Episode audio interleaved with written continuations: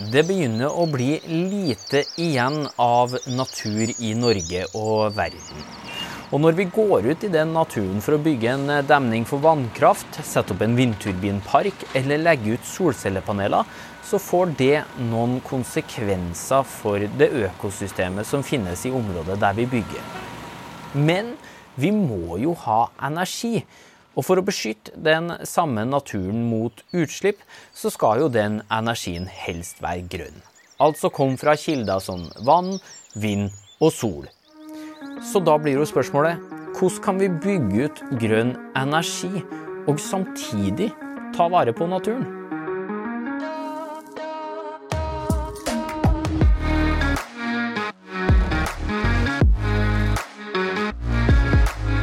Hører podkasten Smart forklart med Aksel Faanes Persson. Hjertelig velkommen til en ny episode av Smart forklart. Podkasten fra oss i Sintef der du risikerer å bli litt klokere og få litt større tro på framtida for hver eneste gang du lytter innom.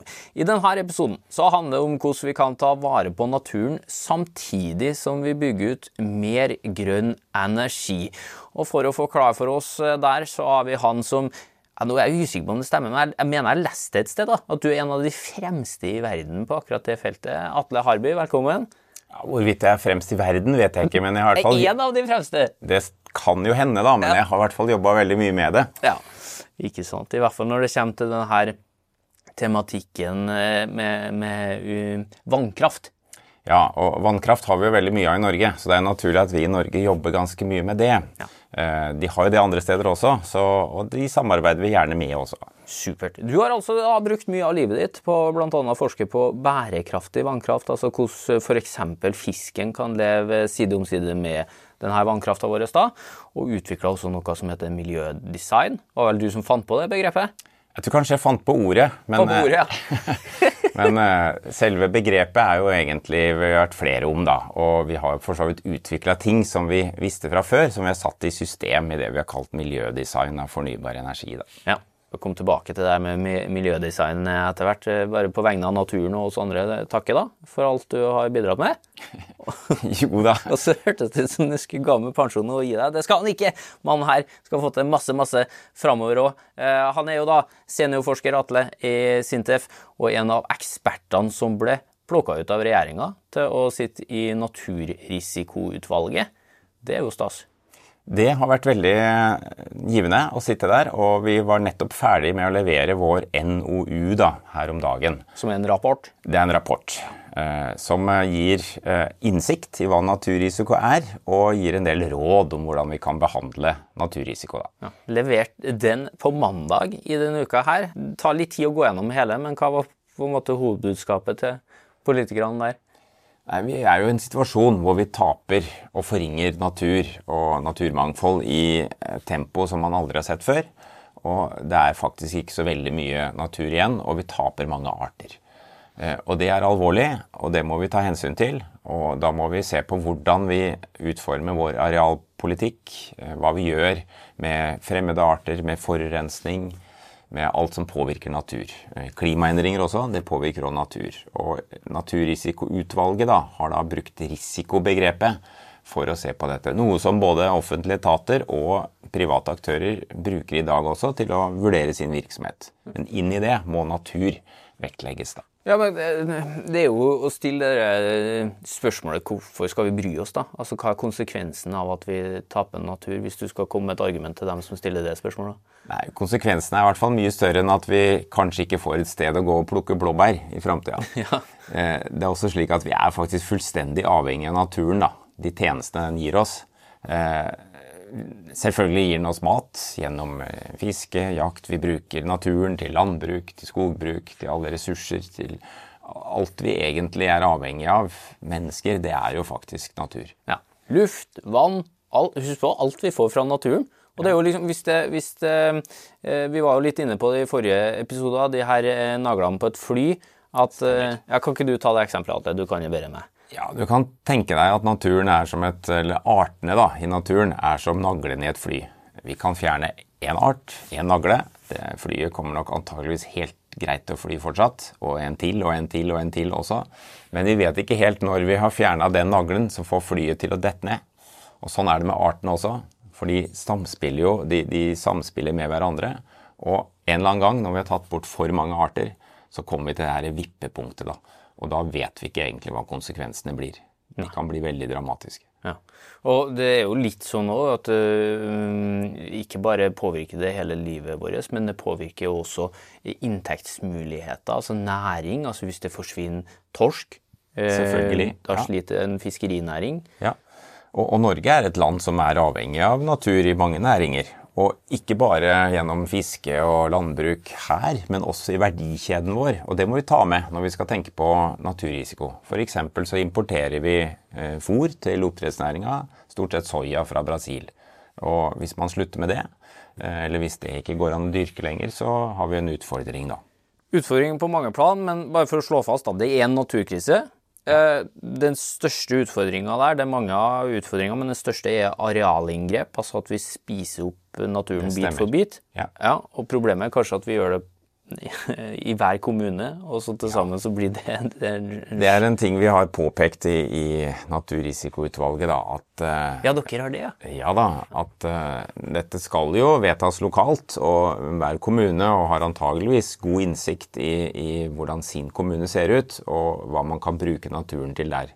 Men når det ikke er noe overordna sammenheng her, så er det, kan det ikke være slik at, at hver enkelt kommune skal alltid bestemme over sine ressurser uten å vurdere helheten. Man skal bestemme over sine ressurser, men man må også ta med eh, hvordan det ser ut i resten av landet. Da. Og få til gode ordninger for det. Kanskje justere litt på slik vi har det i dag. eh, Det tror vi må til. Ja. Og så er det heldigvis mange som begynner å få opp øynene for det her. Da, Eh, og la oss håpe at det gir en god effekt på sikt. Og så er jo litt sånn der eh, Grunnen til at vi sliter, er jo fordi vi nettopp har gjort de store jafsene. Og et av de jafsene vi gjør ute i naturen, det er å bygge ut for grønn kraft. Altså for å få inn grønn energi. Eh, Og du er nå du er ekspert på det som har med vannkraft å gjøre. Ta det som et eksempel. altså Hvordan har utbygginga av det påvirka norsk natur? Nei, Vi har jo bygd ut stort sett all vår kraftforsyning med vannkraft. Og nettopp fordi vi har veldig gode ressurser av vannkraft. da. Og vannkraft er veldig bra. Selvfølgelig. Det er en av de mest effektive energikildene vi kan ha. Og vi er jo så heldige å ha både mye vann og høye fjell som gir oss stor fallhøyde, som gir oss mye kraft i Norge, da. Og på en måte vært grunnlaget for norsk industri f.eks. og velferdsoppbygging helt fra starten av 1900-tallet og fram til i dag. da. Ja, Men Men i starten tok man kanskje ikke veldig mye hensyn til natur. Eh, nå eh, må vi gjøre det. Og veldig mye vannkraft er gammel, så vi må modernisere. Eh, og det har vi holdt på med en stund, og jeg syns for så vidt at bransjen har vært ganske flink til å ta hensyn til, til natur. Og vi har utvikla et konsept vi kaller miljødesign, da, så man skal se litt helhetlig på det her. Eh, kanskje eh, forsøke å legge til rette for natur i store deler av vassdraget. Kanskje vi må bruke litt mer natur i en annen del, og skape på en måte helhetlig mye bedre forhold for fisk og økosystemet enn det har vært før. Eh, altså i starten av en utbygging. Men i dag så er det helt umulig å gjøre noe som ikke tar hensyn til naturen. Ja, for nå har det kommet lover og regler som hjelper oss her, sikkert. Ja. Ja, Bra. Godt å høre. Men bare for å ta den effekten den har hatt på naturen. da. For at når man bygger ut vannkraft, da eh, tar man jo og samler vannet i en demning. Ja. Eh, Mesteparten av vannkraften er jo sånn at man har et reguleringsmagasin, og det er nettopp for å kunne bruke vannet når vi trenger det. Ja, Så du stopper den naturlige vannflyten, rett og slett. Ja, både naturlig vannflyten og alle arter som skal vandre. F.eks. fisk, da, som skal vandre, kanskje laks, da, som skal fra havet opp til gyteplassene. Da må vi forbi denne dammen. Det fins det løsninger på. Der har vi f.eks. fisketrapper.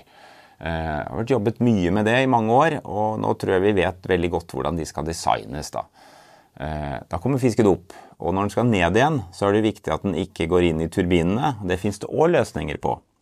Der kan vi lede de forbi, da, slik at de ikke blir skada av å, å, å bli kjørt gjennom en turbin, rett og slett. Ja, Men en annen konsekvens eh, for naturen sin del er jo at nettopp det at vi styrer når vannet skal slippes gjennom og ikke. Det stemmer. For vi slipper jo ut og slipper gjennom mye mer vann i vinterhalvåret, for det er da vi trenger strømmen.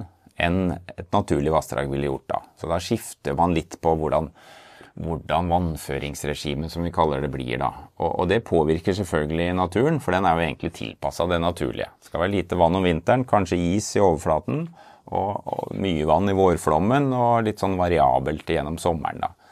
Eh, men det går også an å etterstrebe, eller det går an å gjenskape de forholdene som er, med f.eks. å utforme litt eh, kulper og strykstrekninger i elva. da. Ja, men Fortell om det, for det er jo en del av det miljødesignet her nå.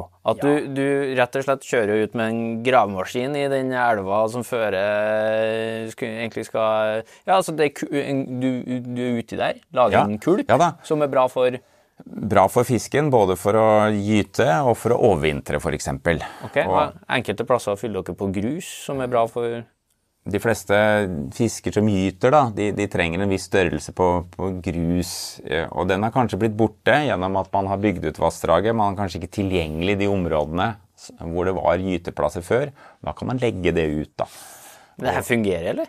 Det ser ut til å fungere veldig bra. Fantastisk. Eh, hvis det gjøres på rett måte. og Det er blitt mye kompetanse på dette i Norge nå. Ikke bare oss på Sintef, mange andre også jobber med dette. og og vi ser god effekt da. Og så må det vedlikeholdes litt. Det kan jo hende at noe av den grusen forsvinner med neste store flom, da. Vi hadde jo flommen Hans her i fjor, som nok gjorde en del ugagn, for å si det sånn. Ja. Eh, og da må man kanskje fylle på med mer grus, da. Eh, men det som er fine med sånne metoder, da, er at de påvirker ikke nødvendigvis kraftproduksjon. Eh, vi kan tenke oss at vi fortsatt kan produsere like mye kraft, og på strekningen som kanskje da ikke har vann lenger, den, eller vann har den, men ikke så mye vann som før. Der tilrettelegger vi med, med gyteplasser, oppvekstområder for fisk og for andre arter. Men det her er altså eh, egentlig svaret på spørsmålet hvordan vi skal klare å øke mengden grønn kraft uten å ødelegge for mye for naturen. At der vi er nødt til å gjøre de inngrepene, så er vi nødt til å gjøre sånne tiltak som dere gjør da innenfor vannkraft. Det er vi nødt til. Ja. Eh, men det vil ikke gi oss Vi har jo tross alt nesten bygd ut alt som går an av vannkraft i dag. For vi har verna 30 av våre vassdrag. Eh, det er selvfølgelig opp til politikerne om det skal bestå, men det tar vi litt for gitt, da. Og da er det kanskje en annen type modernisering av vannkraft vi må gjøre, da. Nå får vi mer vindkraft og mer solkraft, eh, og den produserer når det blåser og når sola skinner. Og da trenger vi vannkraften som en slags backup for det, når sola ikke skinner og vinden ikke blåser. Og så må vi kanskje justere kraftproduksjonen fra vannkraft da når det blåser mye, f.eks. Ja, vi må tenke litt nytt, da. Ja, og dette er jo for så vidt noe som vi i en litt mindre grad har gjort lenge. Vi har jo f.eks. gjort dette med kraftutveksling med Danmark. De har hatt mye vindkraft. Så i dag så er det ofte sånn at vi importerer kraft fra Danmark om eh, dagen når det blåser mye der. Eh, unnskyld, eh, om natta. når, når, det blåser og danskene ikke har bruk for vindkrafta. Og så har de kanskje ikke nok kraft fra vind om dagen, og da sender vi vannkraft tilbake. Ja. Men, men, over igjen på den der, for det er jo hele spørsmålet rundt denne episoden her, hvordan vi skal klare å øke mengden grønn kraft uten å ødelegge for mye av naturen. For det er et par sånn generelle grep vi kan gjøre. Altså, nå var vi jo veldig konkret på det med vannkraft, men på ja. andre typer, altså vind, sol vi, må nok åpenbart ha både mer vindkraft og mer solkraft. Og da er det et spørsmål hvor skal vi ha det hen, da? Og ta solkraft først, da. Eh, vi trenger jo ikke å legge en solkraft ut i urørt natur. Vi kan starte med å bruke de såkalte grå flater, da. Hustak, ja, industriområder. Ja, det er jo det. Ja. Og det kan jo hende at det er bitte litt bedre solforhold f.eks. et sted ute i naturen, men det kan kanskje være like greit å spare det, og heller, heller bruke de flatene og de områdene som, som allerede er utbygd. Ja. Vindkraft, da? Vindkraft eh, kan vi gjøre litt av det samme på også. Vi trenger ikke å legge all vindkraft i veldig sårbar og urørt natur. Eller vi bør ikke gjøre det.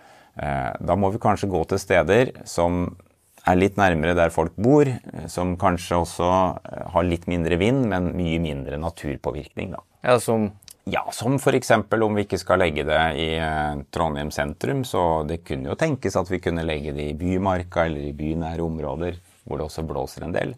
Da er det kort vei til der det er kraft, og det er kanskje allerede eh, skogsbilveier og slike ting der som vi kan bruke til det her. da. Ja, for det er jo en del av greia at, at når man bygger de det, For alle som har sett eh, NRKs Oppsynsmannen, da, så er jo en av de uh, som virkelig gjør inntrykk, er jo når du er med opp på fjellet, ser em, de brede veiene inn til vindturbinparken. Eh, Det er jo også da en Du må jo føre strømmen ut. Eh, Det, det er ganske store inngrep, så kanskje legg det til plasser der det allerede er gjort inngrep. da, det er det du sier? At Ja. Kanskje det vi begynner å tenke mer på etter hvert? Kanskje, vi må kanskje klare det, og så må vi kanskje også vurdere litt hvor mye inngrep vi skal ha i natur. Da Da kommer vi inn på om vi skal ha flere hyttefelt, eller om vi skal ha motorveier osv. overalt. da. Eh, Så vi må tenke litt på hva skal vi bruke den, si, den gjenstående naturen til. da. Hva er det vi absolutt trenger? Og så kan vi gjøre det så skånsomt som mulig der vi, der vi bruker det. F.eks. så trenger vi ikke å bygge disse veiene til vindturbinene da, i myr, som er en, en sårbar naturart som vi må ta vare på, f.eks. Og så vet jeg at det forskes også på altså farger på de her eh, vindturbinbladene. Det forskes på hvor, hvordan de skal stilles, eh, sånn at man kanskje unngår å, å treffe fugl. Altså det er også mm, tanken bak hvilken farge man skal ha på den Ja, bladen. det, sånn. det stemmer. Droner er jo et eh, alternativ istedenfor uh, Ja, Det brukes jo allerede i dag f.eks. mye droner til overvåking av kraftledninger. Man trenger ikke ha en bilvei for å kjøre inn og se om kraftledning er i orden. og Noe sånt kan kanskje brukes på, på vindturbiner også. Ja. Og dette med farger og plassering og sånn er åpenbart at det betyr noe i hvert fall. Med hvor stor påvirkning det har f.eks. på fugl. da, Om, om turbinetårnet står her eller der. Og da må vi kanskje også velge plasser som ikke nødvendigvis har de aller, aller beste vindforholdene, men nest best. Og vi kan også vurdere å faktisk å stenge de hvis det er en liten periode på året hvor det kommer fugletrekk forbi. Eh, Det går an å tenke sånn. Det er akkurat sånn vi gjør med vannkraft også. At uh, i visse perioder så er det strengere restriksjoner. Da kan vi ikke nødvendigvis uh, slippe altfor mye vann forbi uh, gjennom kraftturbinene. Vi må passe på. Og sånn kan vi tenke på vindkraft også. Ja, ikke noe alternativ, og Du nevnte jo Trondheim sentrum. Det er ikke noe alternativ å legge det på Oslo S, liksom, der det er en betongdekke det- det er jo noen- allerede, skulle si. Altså, Det er jo noen farer ved det, da. Nå er jo, i hvert fall Hvis en skal ha store vindturbiner der, da. F.eks. For eksempel så om vinteren så er det jo en fare for at de, de slipper ned is da, som har festa seg på tårnet. Det er risiko for det nok allerede med istapper på gatene i Oslo, så det, kanskje da holder vi oss unna den. Ok, men, men er det et alternativ, da? Å ikke bygge ut i det hele tatt, altså stoppe utbygging av grønn kraft helt, og så sparer vi jo naturen da? Det gjør vi, og det første man kan begynne å gjøre, det er jo å spare strøm og energieffektivisering. Men hvis vi ikke skal bygge ut noe mer, da blir vi nødt til å bruke mye fossil energi. Og det vet vi jo at det påvirker klimaet sterkt. Og ikke bare at det påvirker klimaet, men klimaendringer er jo faktisk også en, en viktig årsak til naturtap. da. Ja, så den vinninga går opp i spinninga. Ja, det- Vi sparer areal, men vi ødelegger areal fordi vi bruker fossil energi isteden. Ja, det, det er litt sånn, da. Men, men vi må forsøke å gjøre dette på en, en, med to tanker i hodet samtidig. Vi trenger grønn kraft. Vi trenger å kvitte oss med fossilt. Vi trenger også å bruke natur, men ikke all, all verdens natur. Og vi trenger den ikke å bruke den til alt mulig rart heller. Så vi må gjøre dette på en måte som tillater naturen, og den må faktisk komme litt mer til seg selv. Vi har også forplikta oss til å restaurere 30% av natur og til å verne 30% av vår natur. Både til lands og til havs. Eh, Og det er, hele verden eh, har avtalt det gjennom naturavtalen. Så må det følges opp, da. Det jo, men det, det er jo her er en del av regnskapspakka òg, for at mye mer skal vel over på eh, grønn energi òg. Altså, vi, vi behovet for grønn energi øker jo også fordi at flere ting skal over. Ja, ja. I dag så er jo mye av transportsektoren, eh, selv om vi har blitt flinke til å, å være verdensmestere i å ha andel elbiler i Norge, men fortsatt så er det mye på transport, altså tyngre kjøretøy, båter og fly, som må slutte å slippe ut eh, CO2. Og så har vi industrien. Eh, mange industriprosesser bruker CO2, og de kan nok erstattes med fornybare løsninger. Eh, det krever litt mer innovasjon, det krever noen penger, men det er mulig. Eh, eh, Det der med miljødesign, da, som du er veldig god på å kjempe for. Vi, hvor gode er vi på å følge det, egentlig? Ja, vi er ganske gode på det, men det er kanskje det lille punktet som jeg hadde sett mer av. da, At vi var litt flinkere til å følge opp. Vi har i noen tilfeller vært inne og målt og sett hvordan det går når man har gjort miljødesign og sett at det går bra med fisken, at vi har et bunndyrsamfunn osv. Men men oppfølging kunne nok vært litt bedre. Og det er noe man også kan lære mye av. da. Hvis man nå oppdager at her gikk det ikke så bra, så kan man bruke det forbedringsforslag til neste gang. da. Det burde vært pensum da, for alle som skal bygge ut en eller annen plass. Les den boka om miljødesign. men, jo da. men én ting er jo Norge, da. Ja. Eh, lille, store Norge. Men ute i verden, da, hvor god er de til å tenke på det her med å ta vare på naturen samtidig som man bygger ut? Ja, Det begynner å komme seg. og Et eksempel på det er jo kanskje EU, som inntil for en fem-seks år siden neglisjerte vannkraft totalt. Nå har vi fått et nytt EU-prosjekt finansiert fra EU som skal se på bærekraftig modernisering av vannkraft. Så da tenker man både at vi skal gjøre vannkraften mer i stand til å samspille med vind og sol, da, og det har de jo mye av i Europa. Det er mye vindkraft som kommer inn, mye solkraft. Og da må vannkraften være der når sola ikke skinner og vinden ikke blåser. Og det krever en ombygging. Men så sier EU nå at den ombygginga kan ikke bare skje på teknologiens premisser. Det må rett og slett ta hensyn til miljø og natur også. Og det er litt på en måte miljødesign i Europa, da. Ja. Og der har vi fått med oss eh, kraftverk og kraftprodusenter i Frankrike, Sveits, Portugal til å jobbe med det her. Så det er veldig spennende og veldig godt å høre at EU også både anerkjenner vannkraft som en viktig energikilde, det er det jo åpenbart, og eh, ønsker at den skal være så bærekraftig som mulig. Ja, hvorfor har man vært skeptisk til Nei, det er jo noen steder vannkraft har litt dårlig rykte. Det har blitt blåst opp noen ganger at man har jo gjort også noen uheldige utbygginger. da. Flytting av folk, f.eks. Eh, tørrlegging av vassdrag. Eh, og ikke egentlig brukt uh, Ikke veldig... tenkt miljødesign, er det Nei. det du sier? Ja. ja, det er det jeg sier.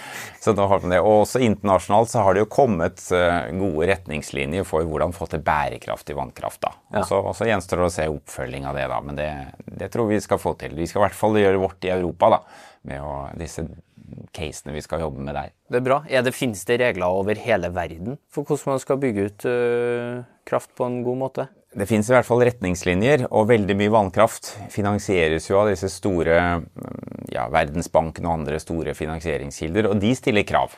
Eh, hvis ikke de eh, ser at det følges opp i forhold til bærekraft, så vil de ikke finansiere da. Vi ser det jo også i Europa nå med denne EUs eh, taksonomi for grønne investeringer. Og det er flott, for nå, stilles det krav for å bli kalt grønn, for å si det sånn, og de får da kanskje bedre betingelser i lån og støtte. Mens de som ikke følger det, eh, de får det tyngre. Ja. Er penger det handler om, vet du på mange fronter? Det er jo faktisk det. Ja. Uh, og det er litt det vi så i, når vi har jobba med naturrisiko også. Uh, mye av eh, begrepene der kom faktisk først fra finansverden. Fordi det er faktisk investorer som ønsker å se at det de investerer i, skal ikke bli utsatt for at man har en stor naturrisiko. Da. Man skal vite om her er det noen fare for at det, enten ressursgrunnlaget, da, hvis man skal investere i noe, blir borte eller at det også kommer lover og regler som gjør det vanskelig for bedriften de investerer i, da, å, å fortsette. Ja, men det er jo bra at man begynner å tenke på naturrisiko når man gjør investeringer, altså hva, hva, det vi gjør nå, hvilke konsekvenser har det på sikt? Og det, det er kjempebra. Og så er det litt som du er inne på, at det er begrensa hvor mye da, vi kan forbedre eh, de inngrepene vi allerede har gjort i form av eh, mer energiutvinning fra de, de eh, vannkraftverkene f.eks. Men det finnes altså tiltak vi kan gjøre der vi har gjort inngrep i naturen, ja. som gjør naturen bedre rusta til å stå i de tiltakene som allerede er gjort. da men som prøver å oppsummere litt her nå. Ja, men, ja det, det klarer du veldig fint. Ja, Du må rette meg hvis det er noe feil. Men så skjønner jeg, skal vi da lykkes med overgangen mm. fra fossilt eh, energi mm. til, til, grønn energi, mm. så må vi altså gjøre et par inngrep til. altså Vi må bygge ut. Og så er det viktig da å tenke veldig godt igjennom hvor og hvordan. Hvor og hvordan. Nettopp. Uh, vi kan ikke gjøre det overalt, og vi må gjøre det på best mulig måte. Og så må vi også tenke litt på hvor mye vi skal gjøre av andre ting i naturen. Da. For vi må se helheten her. det henger sammen. Hvis vi bygger ut vindkraft et sted, så henger det også sammen med hva annet vi gjør da. Ja, Men hva blir det viktigste framover nå, eh, mener du, eh, for å lykkes da, med både den utbygginga og det å ta vare på naturen? Ja, punkt én, som vi også har sett i, i, på en måte de siste tiders eh, fokus på natur, da. vi må få fullstendig oversikt over hva vi har gjort i naturen. Og det har vi ikke. Og så må vi også begynne å få gode metoder til å vurdere ikke bare hver enkelttiltak, men også sett i sammenheng med helheten. Det er veldig viktig. Så vi ikke bare eh, gjør én og én. Det blir litt som å ta ut én og én nagle av dette flyet, da. Vi kan ikke heller bare bygge ut én og én fotballbane. Til slutt så er alt bygd ut. Det går ikke. Så må vi ta den vanskelige debatten, skjønte jeg på det, at vi, vi, må finne ut da, Skal vi bygge ut hytta, vei eller eh, energi, kanskje? Akkurat på det, det stedet der. Det kan bli en interessant debatt å, å, følge. Både opp til politikerne, men også opp til oss. da. Altså, vi Samtlige som engasjerer seg i det her, er jo med og bidrar på en eller annen måte. Bare ved at man er engasjert. Ja, selvfølgelig. Og det, det, som er gledelig nå, er at det er kanskje litt mer fokus både blant politikere og blant befolkningen rundt natur og for så vidt det grønne skiftet og fornybar energi. da. Mm. Ja, men Herlig, Atle. Eh, forventer en statue av deg ved nærmeste vannkraftverk om ikke så altfor lenge. Det, ja, men, ja, men takk, for, takk, for, det du gjør, da. Eh, og takk for at du tok turen innom Smart forklart. Det har vært veldig hyggelig å være med. Så vi får bare håpe at uh det går bra med naturen framover. Det er fortsatt håp. Og, vi er ikke, selv om mange snakker om naturkrise, så går det an å komme seg ut av krisa. Ja, Det er godt at du sier. Altså, jeg er glad for at vi har sånne folk som deg, da, som står på videre for å finne gode løsninger. Takk også til deg som hører på. Vi setter jo enormt stor pris på at du lytter innom med jevne mellomrom. Du må gjerne fortsette å spre ordet om denne podkasten til folk du møter på, så skal vi fortsette å spre kunnskap og framtidshåp. Vi er jo et av Europas største uavhengige forskningsinstitutter, og ferskt forskningsstoff fra oss finner du akkurat når det passer deg på sintef.no, gemini.no, Sintef-bloggen eller ved å følge oss i sosiale medier. Nye episoder av Smart forklart er på vei om ikke så altfor lenge. Og i ventetida fram til da skal forskerne her i Sintef fortsette å utvikle teknologi for et bedre samfunn.